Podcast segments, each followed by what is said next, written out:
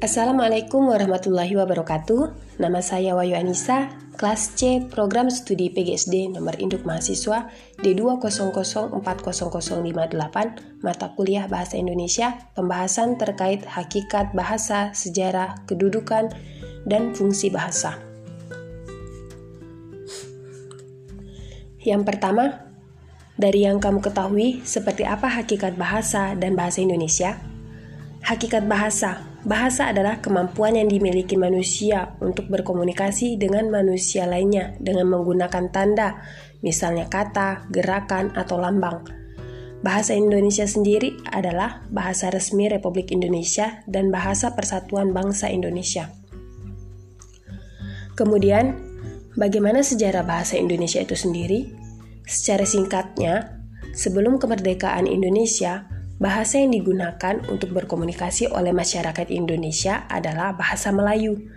Hal itu terbukti dari adanya atau ditemukannya prasasti-prasasti yang menggunakan bahasa Melayu.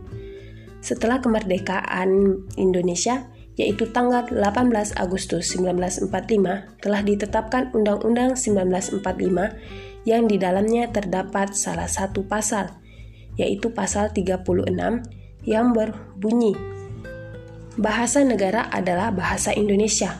Sejak saat itu, bahasa Indonesia adalah bahasa resmi Negara Kesatuan Republik Indonesia. Hal itu terbukti dari adanya pasal tersebut, Undang-Undang 1945, teks proklamasi, Sumpah Pemuda, dan lain-lain yang menggunakan bahasa Indonesia. Kemudian, seperti apa kedudukan bahasa Indonesia?